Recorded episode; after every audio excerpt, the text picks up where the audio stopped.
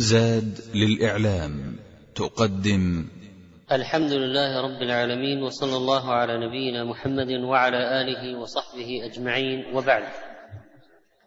فقصتنا في هذه الليلة من قصص القرآن الكريم قصة عظيمة لنبي عظيم صبور غاية الصبر ابتلاه الله سبحانه وتعالى فوجده صابرا.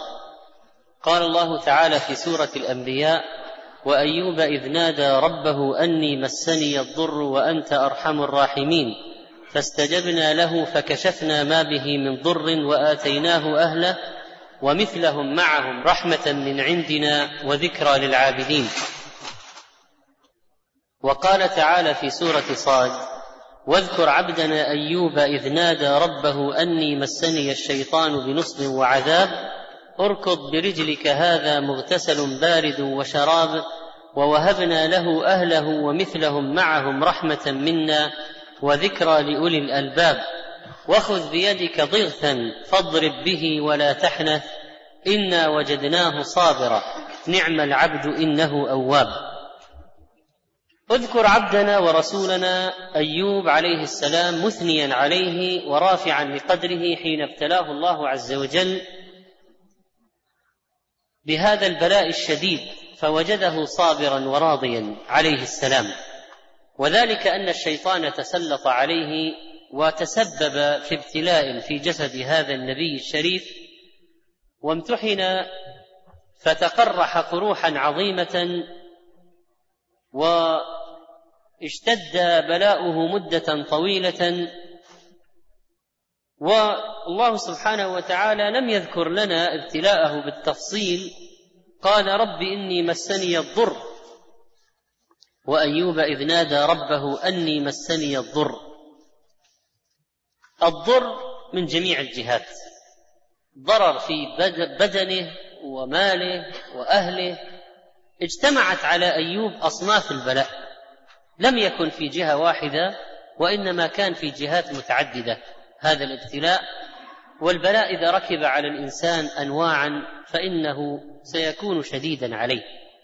فدعا ربه أني مسني الضر وأنت أرحم الراحمين فتوسل إلى الله بالإخبار عن نفسه.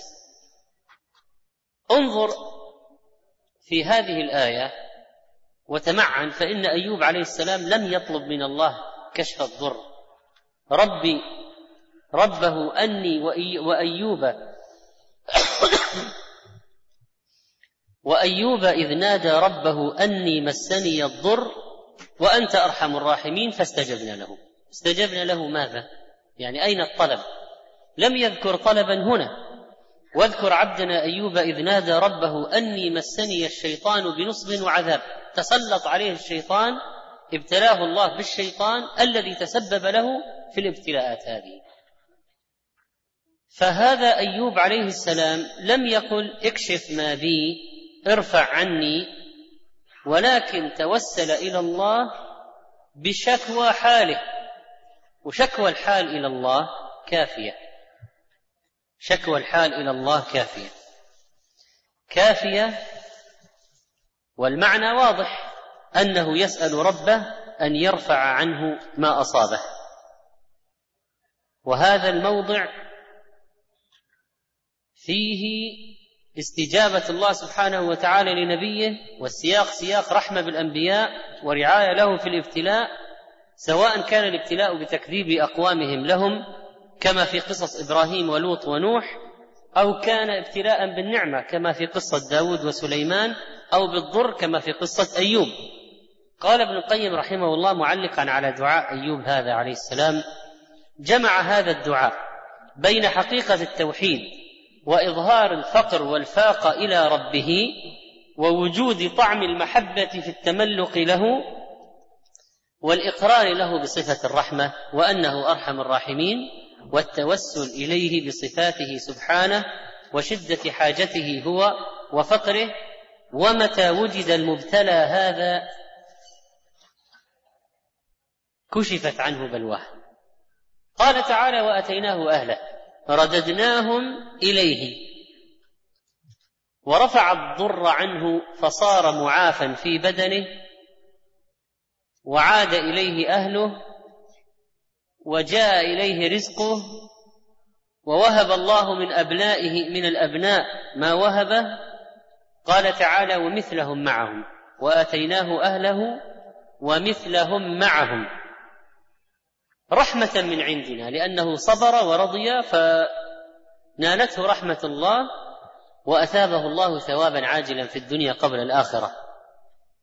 رحمة ومنة من الله عليه وذكرى للعابدين جعلناه عبرة للعابدين الذين ينتفعون بالعبر. فإذا رأوا ما أصابه من البلاء ثم ما أثابه الله بعد زواله ونظروا ما السبب ووجدوا هذا الصبر ووجدوا هذه الإجابة كان ذلك عبرة لهم وذكرى للعابدين فهم يتعظون بما أصاب أيوب عليه السلام. وفي سورة صاد واذكر في هذا الكتاب بالذكر عبدنا المتذلل المطيع لنا أيوب بأحسن الذكر وأثني عليه حين أصابه الضر فصبر ولم يشتكي لغير الله ولا لجأ إلى غير الله وأعقبه الله تعالى بالفرج. نادى ربه بصوت ارتفع صوته بنداء ربه داعيا إليه شاكيا له ولم يشتكي لغيره. ربي أني مسني الشيطان بنصب أصابني شيطان الجن بأمر شاق مؤلم متعب وعذاب أصابني التعب والإعياء والشر والبلاء والوسوسة والنصب ما أصيب به الإنسان في بدنه والعذاب ما أصيب به في ماله كما قال بعضهم وقيل النصب في البدن والعذاب في المال والولد. وكان الشيطان قد آذاه. لكن هل هو إيذاء نفسي؟ الآن في بعض الناس عندهم ابتلاءات نفسية نتيجة شياطين الجن. مبتلى إنسان مبتلى يبتلى في نفسه ابتلاء نفسيا بتسلط شياطين الجن عليه. واحيانا يكون الابتلاء بدنيا وقد يضربونه وقد يظهر ذلك اثرا في جلده. وقد يوقعونه من مكان مرتفع.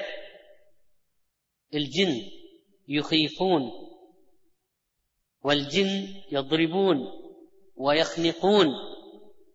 ويعشقون فيتسلطون ويصرعون.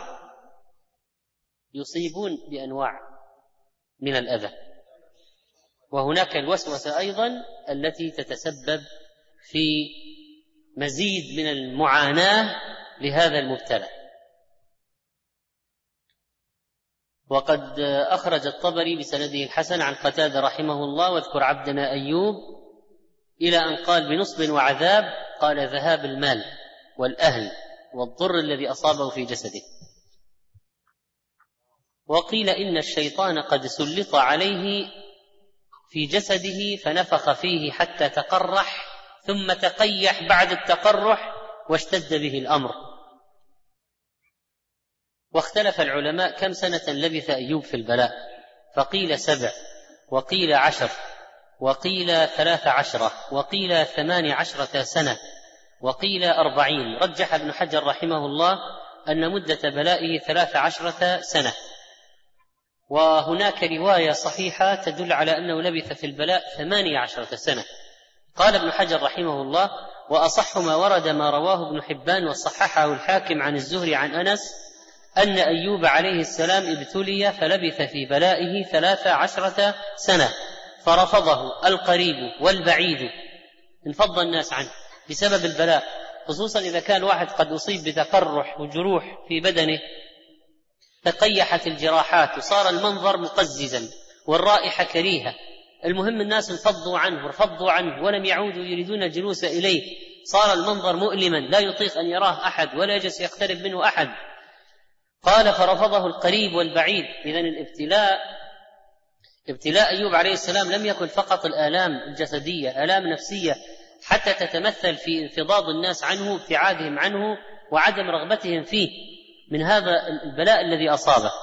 قال فرفضه القريب والبعيد إلا رجلين من إخوانه.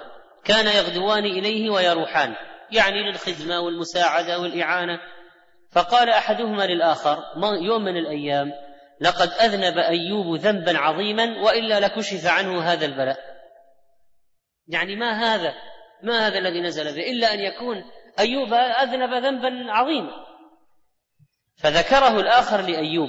فازداد حزنا ازداد ان صار حتى هؤلاء الاثنين أقرب الناس.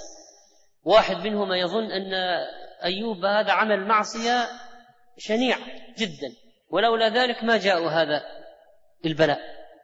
فحزن ودعا الله حينئذ فخرج لحاجته وامسكت امرأته بيده. فلما فرغ أبطأت عليه. كانت تساعده إلى أن يقوم يذهب حتى لو أراد أن يقضي حاجته. لا بد أن تمسك به. فأبطأت عليه في الرجوع لتأخذه أبطأت عليه بعدما فرغ فضرب برجله الأرض فنبعت عين فاغتسل منها فرجع صحيحا. فجاءت امرأته فلم تعرفه. فسألته عن أيوب رأت امامها شخصا رأت امامها شخصا سويا سليما صحيحا فسألته عن أيوب أين أيوب؟ قال إني أنا هو وكان له أندران أحدهما للقمح والآخر للشعير فبعث الله له سحابة فأفرغت في أندر القمح الذهب حتى فاض وفي أندر الشعير الفضة حتى فاض. وأورد العلامة الألباني رحمه الله في سلسلته الصحيحة قريبا من هذا الحديث وفيه أن أيوب لبث في البلاء ثمانيه عشرة سنة ونص الرواية أن نبي الله صلى الله عليه وسلم أن نبي الله أيوب صلى الله عليه وسلم لبث به بلاؤه ثمان عشرة سنة فرفضه القريب والبعيد إلا رجلين من إخوانه كان يغدوان إليه ويروحان فقال أحدهما لصاحبه ذات يوم تعلم والله لقد أذنب أيوب ذنبا ما أذنبه أحد من العالمين. فقال له صاحبه وما ذاك؟ قال منذ ثمان عشرة سنة لم يرحمه الله فيكشف ما به. فلما راح إلى أيوب لم يصبر الرجل حتى ذكر ذلك له. الذي سمع الكلام ما استطاع أن يمنع نفسه ونقل الكلام الذي قاله له صاحبه إلى أيوب عليه السلام. فقال أيوب ما لا أدري ما تقولان. غير أن الله تعالى يعلم أني كنت أمر بالرجلين يتنازعان فيذكران الله. لأن في المنازعة واحد يحلف والله والله. فأرجع إلى بيتي فأكفر عنهما كراهية أن يذكر الله إلا في حق. أمر بالرجلين يتنازعان فيذكران الله مثل الحلف في أثناء الخصام والجدال. فأرجع إلى بيتي فأكفر عنهما كراهية أن يذكر الله إلا في حق. قال وكان يخرج إلى حاجته فإذا قضى حاجته فإذا قضى حاجته أمسكته امرأته بيده حتى يبلغ يعني يرجع إلى البيت. فلما كان ذات يوم أبطأ عليها. وأوحي إلى أيوب أن اركض برجلك هذا مغتسل بارد وشراب. فاستبطأته فتلقته تنظر وقد أقبل عليها. قد أذهب الله ما به من البلاء وهو أحسن ما كان.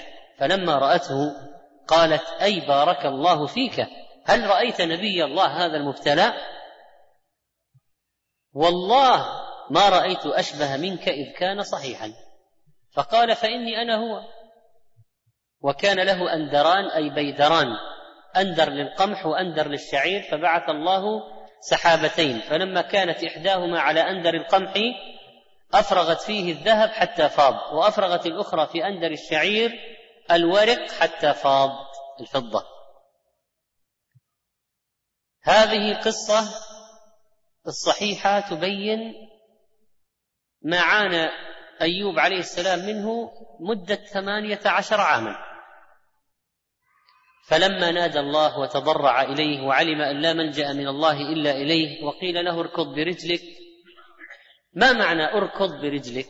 يعني ادفع برجلك اضرب برجلك. فنبعت العين التي اغتسل منها وشرب وذهب عنه الضر والأذى وشفاه الله. والله على كل شيء قدير. وفي القرآن ضربات بسببها نبع الماء بأمر الله. فمن ذلك ضربة أيوب هذه. اركض برجلك نبع الماء. الثانية لما ضرب موسى الحجر فتفجر منه اثنتا عشرة عينا. الثالثة وردت في السنة في قصة هاجر وإسماعيل عندما ضرب جبريل بعقبه أو بجناحه مكان زمزم فنبع الماء ماء زمزم بضربة من جبريل عليه السلام. النبي عليه الصلاة والسلام معجزته أعظم من هذا لأن الماء نبع ليس من حجر ولا من الأرض نبع من بين عصب ودم ولحم وجلد نبع من يده الشريفة من بين أصابعه الماء الماء يخرج من بين أصابعه عليه الصلاة والسلام. وهذا أعجب لا شك والمعجزة فيه أكبر. ضرب أيوب برجله الأرض فنبع الماء وقال الله له هذا مغتسل بارد وشراب. مغتسل وشراب يغتسل منه ويشرب منه. وهذا الماء النابع من الأرض في العادة يكون ساخنا لكن هذه المرة كان باردا بأمر الله عز وجل. لأن المياه إذا كانت جوفية وخرجت يكون فيها من حرارة الأرض لكن هذه بأمر الله تعالى خرجت باردة فاغتسل منه وشرب منه وذهب عنه كل داء كان بباطنه وظاهره بقدرة الله عز وجل وإرادته. وجاء بسند الحسن عن قتادة رحمه الله ضرب برجله الأرض فإذا عينان تنبعان فشرب من إحداهما واغتسل من الأخرى. قال مقاتل نبعت عين حارة فيها فخرج صحيحا اغتسل فيها فخرج صحيحا ثم نبعت عين أخرى فشرب منها ماء عذبا. وقيل أمر بالركض بالرجل ليتناثر عنه الداء الذي في جسده والمغتسل الماء الذي يغتسل به. قال ابن كثير رحمه الله اضرب الأرض برجلك فامتثل للأمر عليه السلام فأنبع الله له عينا باردة. أنبعها بالماء وأمره أن يغتسل فيها ويشرب منها فأذهب الله عنه ما كان يجده من الألم والأذى والسقم والمرض الذي كان في جسده.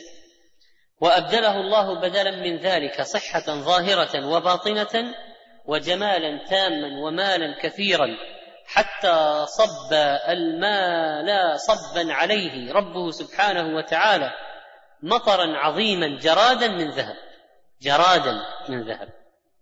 روى البخاري عن أبي هريرة رضي الله عنه عن النبي صلى الله عليه وسلم قال بينما أيوب يغتسل عريانا خر عليه رجل جراد من ذهب. رجل يعني شيء كثير كثير. فجعل يحفي في ثوبه فناداه ربه يا أيوب ألم أكن أغنيتك عما ترى؟ قال بلى يا رب ولكن لا غنى لي عن بركتك يعني هذه زيادة وأنا زيادة لا غنى لي عنها وزيادة الخير خيرين. ووقع عند أحمد وابن حبان من طريق بشير بن نهيك عن أبي هريرة لما عافى الله أيوب أمطر عليه جرادا من ذهب.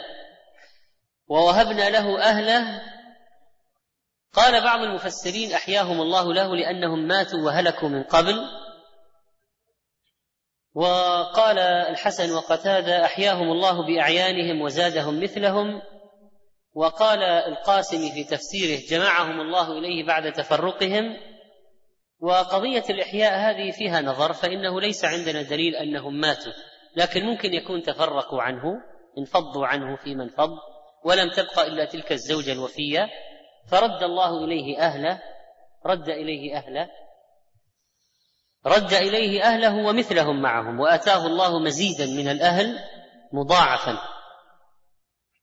وأذهب الله تعالى مرضه النفسي والجسدي وفقره وأذهب فقده لأهله فرجعوا إليه ومثلهم معهم وأعطاه المال العظيم والأولاد والصحة وبارك له فيما آتاه رحمة من عندنا بأيوب عليه السلام حيث صبر فاستحق هذا الفرج. بعضهم قال إن اسم زوجته رحمة ولكن هذا بعيد. ويعني كون الآية فيها وآتيناه أهله ومثلهم معهم رحمة ليس معناها أن اسم الزوجه رحمة كما ادعى البعض الذي يقول هذا أبعد النجعة وأغرق في النزع. وذكرى لأولي الألباب أصحاب العقول. وخذ بيدك ضغثا حزمة شماريخ. وقد أخرج الطبري بسنده الحسن عن ابن عباس رضي الله عنه في قوله وخذ بيدك ضغثا قال حزمة هذه الحزمة من أي نبات كان؟ شمراخ فيه عذوق كثيرة مئة مئة. في الشمراخ الواحد في الشمراخ الواحد مئة عذق مئة عود. في الشمراخ الواحد في الشمراخ مئة عود. وكل مجموع مقبوض عليه باليد يسمى ضغثا. قال فاضرب به ولا تحنث. ما معنى هذا؟ يعني أن أيوب عليه السلام كان قد غضب على زوجته لتصرف ما فحلف أن يضربها مئة ضربة. زعموا أسباب كثيرة لهذا لكن ما ثبت شيء فلعلها أبطأت عليه في طلب طلبه أو انتظرها أن تأتي لتأخذه مثلا فأبطأت فحلف أن يضربها مئة ضربة. والله سبحانه وتعالى يغفر لأنبيائه وأوليائه ما يكون من تعجلهم أو غضبهم ويغتفر منهم ما لا يغتفر من غيرهم ممن هو أقل منهم لكثرة حسناتهم ومنزلتهم ورفعتها عند الله سبحانه وتعالى. فلكي لا يضرب زوجته مئة ضربة وهي محسنة أيضا ما المخرج من اليمين؟ وحتى لا يقع في الحنث. إذا ضربها مشكلة امرأة محسنة ضربها مئة ضربة وإذا حنث في يمينه مشكلة أخرى. فأوجد الله له مخرجا من تمام نعمته عليه أنه أوجد له مخرجا من هذا اليمين. قيل هذا خاص بأيوب عليه السلام. يعني لو جاء واحد يفعله الآن في زماننا لا يقبل منه. لكن كانت هذه فتوى لأيوب عليه السلام. وقيل يفعل في حالات معينة. مثل لو أن لو أن مريضا مرضا خطيرا. ضعيفا جدا. وقع في الزنا والفاحشة. ولو جلد مئة مات. فيمكن أن فيمكن أن يجلد بنفس هذه الطريقة. على أي حال. كان قد حلف أن يضرب امرأته مئة ضربة لأنها أبطأت عليه يوما من الأيام. ولكي لا يضربها المئة ولا يحنث في يمينه أوحى الله إليه أن يأخذ مئة عود من الإذخر أو غيره يجمعها هكذا يعمل منها حزمة أو يأخذ شمراخ فيه مئة عود فيضربها ضربة واحدة. وهذه فتوى من الله لأيوب خصيصا تسهيلا عليه وعلى أهله. فخذ بيدك ضغثا فاضرب به ولا تحنث وتكون بار بيمينك وما عليك كفارة ولا إثم الحنث. وأصل الحنث هو الإثم. قال الله تعالى وكانوا يصرون على الحنث العظيم الإثم العظيم. والمراد هنا حتى يبر بيمينه ولا يكون حانثا. وعدم الإبرار باليمين مكروه إلى الله لأن الله سماه حنثا. وأصل الحنث هو الإثم. لكن من نعمة الله أنه رخص لعباده بفعله لكنهم إذا فعلوه كفروا كفارة عن الحنث. قال تعالى إنا وجدناه صابرا. أيوب عليه السلام ابتليناه بالضر العظيم فصبر لوجه الله عز وجل. صبر على ما مسه من الشيطان وصبر عن معصية الله فلم يجزع صبر على أقدار الله فلم يتسخط ولم يشتكي لغير الله وصبر على طاعة الله لأنه لا زال يعبد الله وهو في البلاء وهو يلجأ إلى الله وهو يدعوه سبحانه وتعالى. فاجتمع لأيوب أنواع الصبر كلها اجتمعت. نعم العبد أيوب الذي كملت مرتبته في العبودية وصبر هذا الصبر العظيم. إنه أواب رجاع إلى الله سبحانه وتعالى. كثير الذكر له عز وجل. كثير التأله والمحبة في الشدة والرخاء. قصة أيوب هذه أيها الإخوة من أعظم القصص وأروع القصص. وأيوب من ذرية إبراهيم في الحقيقة عليه السلام. وما هو الدليل على ذلك؟ ما هو الدليل على أن نسب أيوب يرجع إلى إبراهيم عليه السلام؟ من القرآن بالنص. ولو واحد قال لك أيوب قبل ما هو الدليل؟ النص على أن أيوب من سلالة إبراهيم الخليل عليه السلام. ومن ذريته داود وسليمان وأيوب ويوسف وموسى وهارون. ومن ذريته الهاء تعود على من؟ على إبراهيم. والآية في سورة الأنعام. الآية في سورة الأنعام. قال ابن كثير رحمه الله والصحيح أن الضمير عائد على إبراهيم دون نوح عليهما السلام. طبعا نوح أبو البشرية الثاني. لأن الله قال وجعلنا ذريته هم الباقين. فآدم أبو البشرية الأول وكل واحد من البشر بعد نوح من سلالة نوح مع أنه نجا في السفينة معه أشخاص آخرون لكن ما كتب الله أن يبقى لهم نسل ولا ذرية. وجعلنا ذريته هم الباقين ذرية نوح عليه السلام. أما إبراهيم عليه السلام فلم يبعث نبي بعده إلا وكان من ذريته. رفع الله قدر إبراهيم. ما بعث نبيا بعد إبراهيم إلى محمد عليه الصلاة والسلام من أنبياء بني إسرائيل والعرب وغيرهم إلا وهو وهم من ذرية إبراهيم عليه السلام من جملتهم أيوب عليه السلام. وهو من الأنبياء المنصوص أن الله أوحى إليهم كما في سورة النساء إنا أوحينا إليك كما أوحينا إلى نوح والنبيين من بعده وأوحينا إلى إبراهيم وإسماعيل وإسحاق ويعقوب والأسباط وعيسى وأيوب. وقد قيل يعني ذكر أهل التواريخ والتفاسير أن أيوب كان رجلا كثير المال وأنه كان عنده أنعام وعبيد ومواشي وأراضي إلى آخره وكان له أولاد وأهلون كثر حتى حل به البلاء وفقد الأموال وفقد الأهل وابتعد عنه الناس وانفضوا. وليس بسهل على الإنسان أن يكون عنده كل هذا ثم بعد ذلك يصبح وحيدا فريدا طريدا لا يأتيه أحد إلا في النادر. وطال مرضه حتى عافه الجليس وأوحش منه الأنيس وأخرج من بلده بل قيل إنه ألقي خارجا في مكان موحش وانقطع عنه الناس ولم يبقى أحد يحنو عليه إلا زوجته كانت ترعى له حقه وتعرف قديم إحسانه إليها وشفقته عليها فكانت تتردد إليه وتصلح من شأنه وتعين على قضاء حاجته. وتقوم بمصلحته حتى ضعف حالها هي الأخرى وقل مالها حتى كانت تخدم الناس بالأجرة لتطعم زوجها. وهي صابرة معه على ما حل به من فراق المال والولد والمصيبة وضيق ذات اليد والعمل عند الناس والتعب. وترجع تتعب مع الزوج هذا عليه السلام ومع ذلك لم يزدها إلا إشفاقا وصبرا. ولم يزد هذا أيوب إلا احتسابا وحمدا وشكرا. حتى إن المثل يضرب به يقال صبر أيوب. وذكر بعضهم أسبابا لهذا الابتلاء لكنها من الإسرائيليات. أن حاكما كافرا تسلط عليه وأنه أو أنه دخل على ملك فراى منكرا فلم يغيره. ولكن هذا لا يليق بنبي الله عليه السلام وكثير من الذين ذكروا هذه صدروها برفض روية المفيد للتضعيف والوارد مرويات وقصص إسرائيلية لا يمكن الوثوق بها.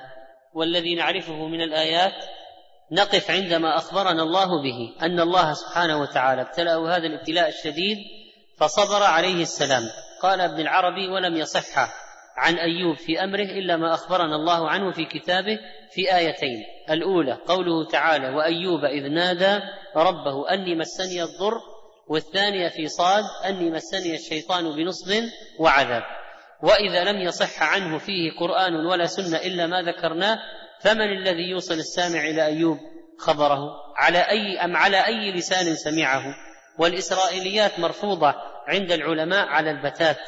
فأعرض عن سطورها بصرك واصمم عن سماعها أذنيك فإنها لا تعطي فكرك إلا خيالا ولا تزيد فؤادك إلا خبالا. هذا كلام العربي رحمه الله في رفض الإسرائيليات والأخبار التي لا يوثق بها. وكيف يعني هذا مقام نبي من الأنبياء؟ أيليق أن يقال عليه إنه عوقب بسبب منكر ما أنكره أو كذا أو كذا ولم يثبت هذا؟ والأصل أن الأنبياء يقومون لله بالحجة وينكرون المنكر. ومن العجائب والطوام أيها الإخوة أن بعض الصوفية يحتجون بقوله اركض برجلك على جواز الضرب والرقص الصوفي. يعمل حلق رقص صوفي يضرب بالأرض. والصوفية عندهم عندهم ضرب في الأرض وأصوات منكرة منكرة عظيمة وعندهم طبل وعندهم دف وعندهم آه، أكثر من هذا. لكن عندهم قضية يعني أن الواح أنهم يقومون يرقصون ويضربون في الأرض يرقصون يضربون في الأرض. ويدور الواحد يدور يدور يدور حتى يدوخ. ثم يقول بعد ذلك صار التجلي. ودخل في عالم الفناء وصار يرى الله وصار يرى الملائكة والملائكة الأعلى ويقرأ من عند العرش وكلام يعني في الموضوع. وهكذا يقولون كل ما درت ودخت وضربت كل ما حمي الضرب كل ما وصلت. وصلت التحمت بالملأ الأعلى. والله يستر على الالتحام هذا ماذا سيكون فيه من المصائب. لأنهم يأتونك بالأباطيل والترهات والكلام الكلام المستبشع الكلام الباطل. وما وأي دليل في قول اركض برجلك على رقص الصوفية أو ضربهم في الأرض أو إن الضرب هذا آه، أنه من الدين؟ اركض برجلك. ضرب برجله الأرض نبع الماء. وهم يضربون بأرجلهم فينبع الباطل. قال ابن عقيل أين الدلالة في مبتلى أمر عند كشف البلاء أن يضرب برجله الأرض لينبع الماء إعجازا من الرقص؟ ولا إنجاز قوله سبحانه لموسى اضرب بعصاك الحجر. دلالة على ضرب المحاج بالقضبان نعوذ بالله من التلاعب بالشرع. أجل خلاص نقول أيضا لما قيل موسى اضرب بعصاك الحجر هذا دليل على جواز الطبل ولا أي شيء يضرب ليخرج أصوات. ما هي فوائد هذه القصة؟ متعددة وكثيرة. ومن ذلك اولا ثناء الله على أيوب هذا النبي الكريم العظيم الذي يجب أن نعرف قصته وسيرته التي ذكرها الله لنا لكي نقتدي به. ثانيا الإشادة بمناقب الأشخاص العظام فيها قدوة لمن بعده. ثالثا الثناء على صبر أيوب إنا وجدناه صابرا وأهمية الصبر الصبر الصبر في البلاء. وكلما ابتلي أحد المؤمنين ذكر بصبر أيوب. وكلما نزل بلاء الآن عند الناس عندهم سرطانات وعندهم غسيل كلى وعندهم أنواع من الأمراض وعندهم آه، هشاشة عظام وعندهم شقيقة وصداع نصفي رهيب. وناس عندهم أنواع من الصرع وأنواع من الوسوسة. وناس عندهم آه، عين وسحر. وناس عندهم غرغرينه وجروح أشياء كثيرة قد يبتلى بها الناس. مهم جدا أن يقص عليهم قصة أيوب عليه السلام. أيوب الذي صار مضرب المثل في الابتلاء والتضرع والدعاء والفرج بعد الشدة وحصول النعمة بعد والرخاء بعد هذا البلاء. والحقيقة أن أيوب عليه السلام يعني لا يكاد يذكر أحد من من أهل البلاء إلا ويقال صبر أيوب.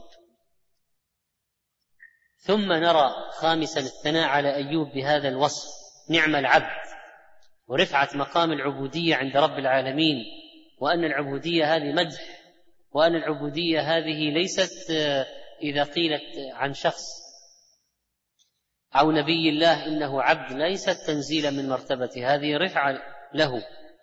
الله عز وجل وصف نبيه صلى الله عليه وسلم في أربع مواضع من كتابه أنه عبد الله عبده عبدنا.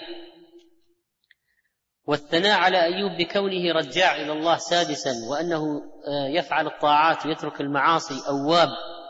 وسابعا أن الأنبياء لا يملكون لأنفسهم ضرا ولا نفعا.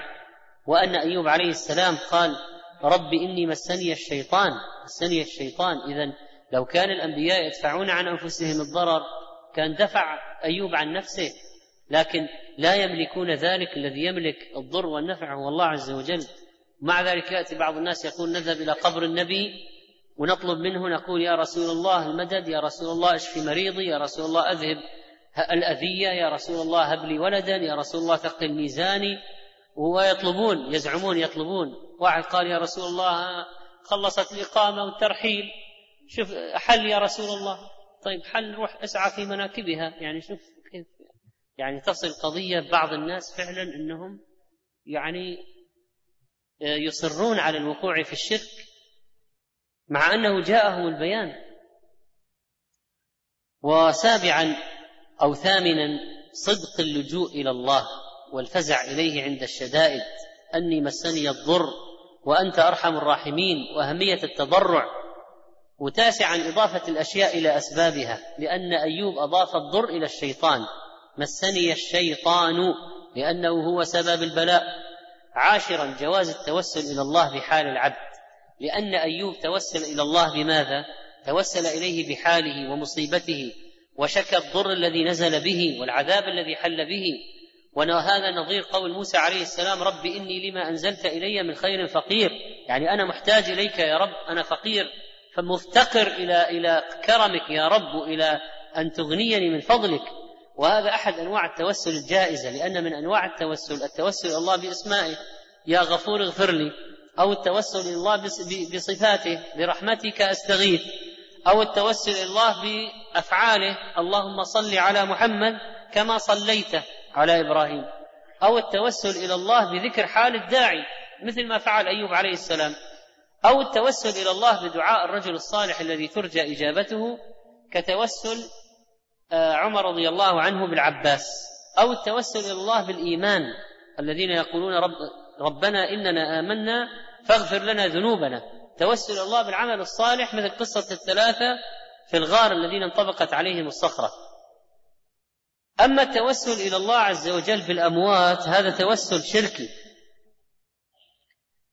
التوسل إلى الله سبحانه وتعالى يجب أن يكون مشروعا وإلا يترك وما أكثر البدع في التوسل. ويتوسلون بالنبي الذي مات وبالملك الغائب يتوسلون بالرجل الصالح البعيد وينادونه من بعيد وهذا نوع من الشرك. إن تدعوهم لا يسمعوا دعاءكم ولو سمعوا ما استجابوا لكم ويوم القيامة يكفرون بشرككم. والحادي عشر بيان إجابة الله للدعاء وأنه أجاب وأن الله يرجئ الإجابة لحكمة. ثمانية عشر عاما لبث أيوب في البلاء. والله أجل لحكمة سبحانه وتعالى حكم وازداد أيوب رفعة عند ربه. لو أنه أجابه من ثاني يوم أو في نفس اليوم ما صار ايوب في نفس المرتبة ولا صار مضرب مثل للأولين والآخرين. لكن الله ارجأ الإجابة ليصبح عبده أيوب مثلا ومضرب مثل بالصبر للأولين والآخرين. والثاني عشر قدرة الله العظيمة لما أنبع الماء بضرب رجل مع أن ضرب الرجل في العادة ما يخرج ماء إخراج الماء لا بد له من حفر ومجهود. والثالث عشر إثبات الأسباب يعني ما يستطيع يحفر في حالته لكن يضرب برجله. طب مع أن ضرب الرجل سبب ضعيف جدا لكن الله يريد من عباده أن يتعلموا اتخاذ الأسباب مهما كانت ضعيفة. وقيل لمريم هزي إليك بجذع النخلة مع أن امرأة ضعيفة في حال الوضع والنخلة قوية جدا وجذع النخلة قوي أقوى شيء فيها ومع ذلك قال هزي إليك بجذع النخلة. ليعلم عباده اتخاذ أدنى سبب. المقدور عليه اتخذه. وتوكل على الله. والرابع عشر أن الله قد يجعل السبب الضعيف يعمل ويؤثر. والخامس عشر كيف أن هذا الماء النابع من جوف الأرض كان باردا صالحا للشرب. والسادس عشر أنه طهر الباطن وطهر الظاهر أيضا. والسابع عشر أن الله يمن على العبد بأكثر مما فقد. الآن لو واحد ابتلي مثلا ببلاء في صحته في ماله فدعا ربه الله عز وجل يقدر ليس فقط أن يعيده مثل ما كان يعيد أحسن مما كان. ورد إليه ضعفي أهله ومثلهم معهم. ومن صبر ظهر. والثامن عشر أن ما حصل للإنسان من نعمة فبرحمة الله لأن الله قال لما عوض أيوب رحمة منا والتاسع عشر أن القصة هذه فيها عبرة لأولي الألباب ويجب على أصحاب العقول التمعن فيها وأن يتذكروا بلاء أيوب وأن الله رحمه. وأن في بلائه مثلا وأن في عبرة للبشرية وأن في حسن عاقبة لمن صبر والإشارة للعابدين إلى مغزى هذه القصة وأن العباد متعرضون للابتلاء وأن الله لا يبتلي فقط الفساق والفجار ممكن يبتلي العباد. أيوب كان عابدا ما كان صالحا ما كان عاصيا لما ابتلاه الله سبحانه وتعالى. بل إن الله إذا أحب عبدا ابتلاه. وكذلك أن المسلم عليه أن يتحمل في سبيل الله وأن المصائب تأتي على الرسل وأن الشيطان ممكن يسلط على الأنبياء والشيطان سلط على سليمان عليه السلام في قصة. والنبي عليه الصلاة والسلام سحر سحر واستعان اليهود بالشياطين. والإنسان إذا التجأ إلى ربه ودعا فإن الله يجيبه أما يجيب المضطر وأن الله يأتي بالفرج بعد الشدة وأن الفرج مع الكرب وأن مع العسر يسرا وأن زوال كرب النبي صلى الله عليه وسلم هذه فائدة زوال كرب أيوب كان على يده. يعني الله عز وجل من رحمته بأيوب أنه ما أحوجه إلى خلق آخر. ما قال اذهب إلى فلان يعمل لك يزول بلاؤك. لا جعل الله زوال بلاء أيوب على يد أيوب نفسه. اركض برجلك ونبع الماء واغتسل وشرب. وهذه فيها نعمة عظيمة أن الواحد ما يحتاج إلى الآخرين. لكي يعالج نفسه أو يعمل ما يزيل لكي يزيل ما به. وفيه أن الله سبحانه وتعالى يعلم عباده أن الشفاء له سبب. يعني هذا الماء كان سبب لشفاء أيوب. اغتسل به وشرب منه وعالج نفسه. ممكن كان يزول المرض بدون سبب فجأة يزول بدون أي سبب.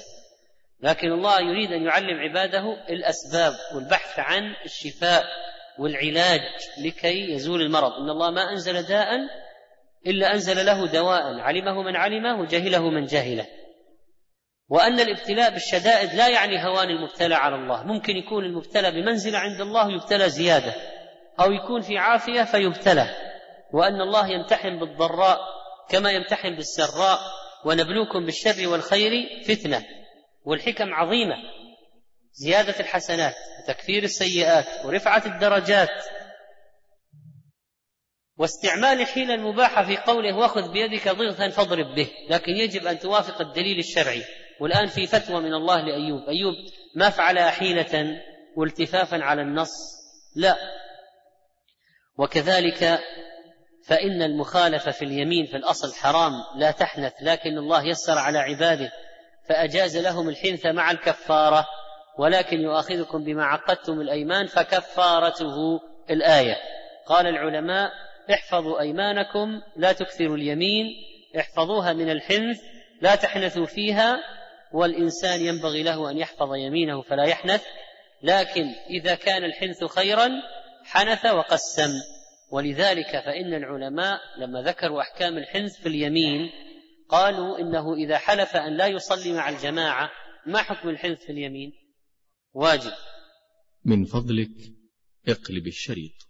ولذلك فإن العلماء لما ذكروا أحكام الحنث في اليمين قالوا إنه إذا حلف أن لا يصلي مع الجماعة ما حكم الحنث في اليمين؟ واجب. وإذا حلف أن يشرب يشرب الخمر ما حكم الحنث باليمين؟ واجب وإذا حلف أن لا يشرب الخمر ما حكم الحنث في اليمين؟ حرام وإذا حلف أن لا يصلي الظهر إيش حكم الحنث؟ واجب وكذلك فإنه إذا حلف على شيء مستحب فلا يحنث وإذا حلف على شيء مكروه فإنه يكفر ولا يفعله. وإثبات الأسباب ونسبة الشيء إلى سببه. وتضمنت هذه الآية جواز ضرب الرجل امرأته تأديبا. وامرأة أيوب أخطأت فحلف فحلف ليضربنها فالله عز وجل أوحى إليه أن يضربها بعثكول من عثاكيل النخل. وهذا للتأديب وقد قال الله واضربوهن ضربا ولهذا قال عليه الصلاة والسلام واضربوهن ضربا غير مبرح. قال الله واضربوهن والسنة فسرتها. السنة فسرتها أنه غير مبرح. وليس للعبد أن يعترض على الله بشأن ما امتحنه به وأن الله عز وجل يحب من عبده إذا ابتلاه بمصيبة أن يصبر. وعلى عباد الله أن يتواصوا بالصبر ونأخذ فائدة عظيمة من بقاء الرجلين الصالحين مع أيوب يزورانه وأن الإنسان المسلم عليه أن يساعد أخاه إذا ابتلي وأن يقف بجانبه والمساندة المعنوية والمساندة المادية مهمة جدا للمبتلى. مهم جدا الواحد ما يجد نفسه وحيدا. أن يكون معه من إخوانه من يكون. ونرى كذلك يعني اهميه أهمية موقف الزوجة الوفية لزوجها. كيف أنها وفت له ولم تتركه. وقليل ما هن. ولكننا نجد أن الوفاء في الزوجات إذا ابتلي الزوج أكثر من وفاء الأزواج إذا ابتليت الزوجة. معنى هذا لابد نعترف. أظن يعني أن الواقع يشهد بهذا. ولو علينا معشر الرجال لكن يقول الحق ولو على نفسه. المرأة إذا ابتليت زوجها يعني قد لا يصبر عليها ويطلقها يقول مالي فيها وآخذ واحدة أخرى وأنا الآن أتكلف مصاريفها وعلاجها. لكن إذا ابتلي الرجل ومرض وصار في أمر صعب تجد أن زوجته قابلة أن تصبر معه أكثر ما هو يصبر معها إذا مرضت. فعلى أي حال إشادة بموقف الزوجة الوفية في قصة أيوب عليه السلام وكيف كانت تأخذ زوجها وترجع لزوجها ويعتمد عليها حتى قيل إنه كان أحيانا يتعلق بقرونها ليقوم الشعب بقرونها ليقوم. وأيضا نجد في هذه القصة أنه يجوز للمصاب العمل على رفع المصيبة وتقليل الضرر وليس معنى ذلك أن الإنسان إذا ابتلي مصيبة يقول أبقى في المصيبة ولا أفعل شيئا لإزالتها ورفعها بل إن من الحكمة أن يسعى في إزالتها. وأيوب دعا ربه. وفي وفي الآيات أن الشكوى إلى الله مشروعة. أني مسني الضر وأنت أرحم الراحمين. أني مسني الضر هذه الشكوى. لكن الشكوى لله عبادة والشكوى للمخلوق مذلة. وأن الشكوى لله لا تتنافى مع الصبر. إذا واحد شكى لله ما هو شكى الله؟ لأن في ناس يشكو الرحيم إلى الذي لا يرحمه. ربما يقول ناس انظروا ربي ماذا قدر علي شوف ربي إيش سوى فيني. هذا يشكو ربه إلى الناس. لكن هنا أيوب يشكو حاله إلى ربه. أي ماذا قال يعقوب؟ إنما أشكو بثي وحزني إلى الله. إنما أشكو بثي وحزني إلى الله. فإذا شكوى الشكوى إلى الله عبادة. الواحد يشكو لمن؟ يشكو إلى الذي ليس بيده نفع ولا ضر. بعض المرضى يشكو إلى الطبيب. يا طبيب يا دكتور أنا ما أصل أنا ما أدري أنا ما أصل طيب وماذا سيفعل لك؟ هو الآن يعطيك علاجه ولكن ليس بيده الشفاء الشفاء بيد الله. لا شفاء إلا شفاؤك لا شافي إلا أنت. الدكتور الطبيب هذا سبب. يمكن يأثر يمكن ما يأثر وأخيرا فإنه ينبغي لأهل الخير أن يثنوا على الله. عز وجل وأن يثنوا على عباده الصالحين. الحقيقة أنه ينبغي إحياء سيرة الصابرين وذكر سيرة أهل البلاء لكي يحدث الاقتداء والتأسي بهم. ونسأل الله عز وجل أن نكون ممن أحيا الله بهم سير أنبيائه وأوليائه ونحن نحتاج أيضا إلى أن ننشر هذه السيرة وأن نأتي نذكر سيرة هذا النبي الكريم لأولادنا وأهلينا وإخواننا وأصدقائنا وأقاربنا لأن مثل هذا الموقف يمر به الناس ما يخلو أحد إلا أن يمر بابتلاء أو محنة. ويكون ذكر القصة هذه فيها غاية التصبير والتواصي بالحق والصبر. نسأل الله عز وجل أن يجعلنا من الصابرين وأن يعافينا في الدنيا والآخرة. إنه هو السميع العليم وصلى الله على نبينا محمد وعلى آله وصحبه أجمعين.